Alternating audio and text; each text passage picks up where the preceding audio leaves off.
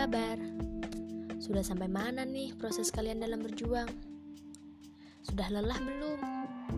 Jangan nyerah ya, istirahat saja dulu. Tapi nanti jangan lupa untuk bangkit kembali.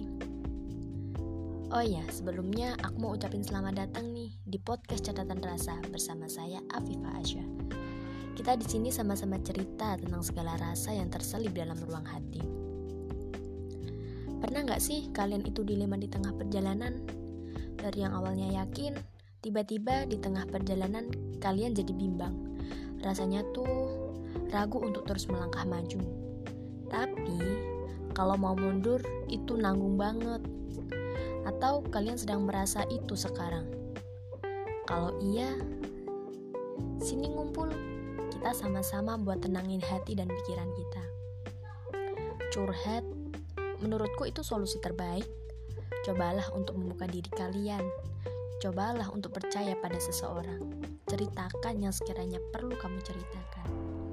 Di dunia ini kamu gak sendirian kok.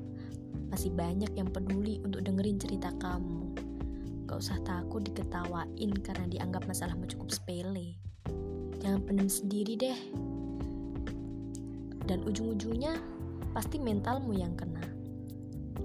Jangan nyerah ya. Diketawain mereka, ya biarin. Karena mereka bukan penentu masa depanmu. Jangan iri sama mereka yang asik rebahan atau keluyuran untuk hura-hura. Sedangkan kamu masih tetap berjuang. Buat kalian yang terus berjuang di sekitar hasutan teman, kalian hebat. Karena ngendalin rasa malas itu nggak gampang. Buat untuk sampai di puncak itu nggak mudah prosesnya. Percaya nggak jika suatu saat nanti kita bisa berada di puncak dengan segala perjuangan kita? Menurut kalian, apa yang akan mereka katakan? Pasti, wow, hebat banget. Aku juga mau dong seperti itu. Enak banget bisa sukses. Tapi, apa mereka tahu prosesmu yang pelik? Tidak, pasti mereka tidak mau tahu. So, buat kalian yang hampir nyerah, kembali bangkit yuk.